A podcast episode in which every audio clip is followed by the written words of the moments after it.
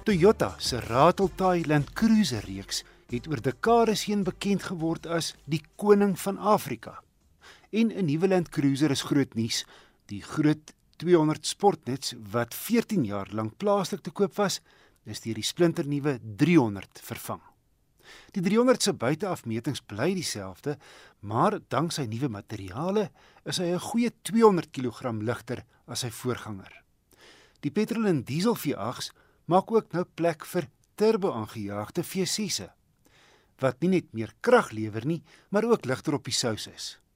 Steeds 'n hoekige voorkoms met 'n prominente sierrooster. Ek het turbo diesel GR Sport model gery. Dit staan vir Gazoo Racing Sport en is die meer veldry gefokusde model in die reeks met 'n meer sportiewe voorkoms soos 'n swart sierrooster en swart alloy wiele.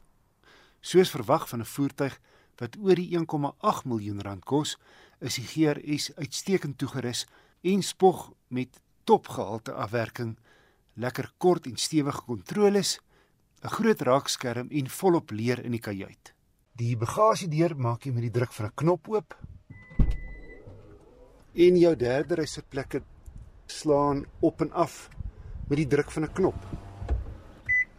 Onder die bestuurder en voorste passasier se armleuning is hier 'n houer wat ook as 'n klein yskas dien. Die baie gemaklike leersitplekke wat ook mooi lyk in swart en maroon wat mekaar afwissel, kan voor elektries verstel En die bestuurdersin het 3 geheuefunksies. Die stuurwiel skuif ook elektries in en uit en op en af en jy het verskillende rymodisse. Dan kan die voorste sitplekke verhit en verkoel as ook die agterstes.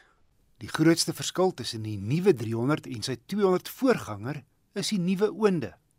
Die GRS turbo diesel se nuwe 3.3 liter V6 met 2 turbo aanjaars klop die vorige 4.5 turbo diesel V8 se syfers. Die ou masjien het 195 kW en 650 Nm gelewer. Die 3.3 225 kW en 700 Nm.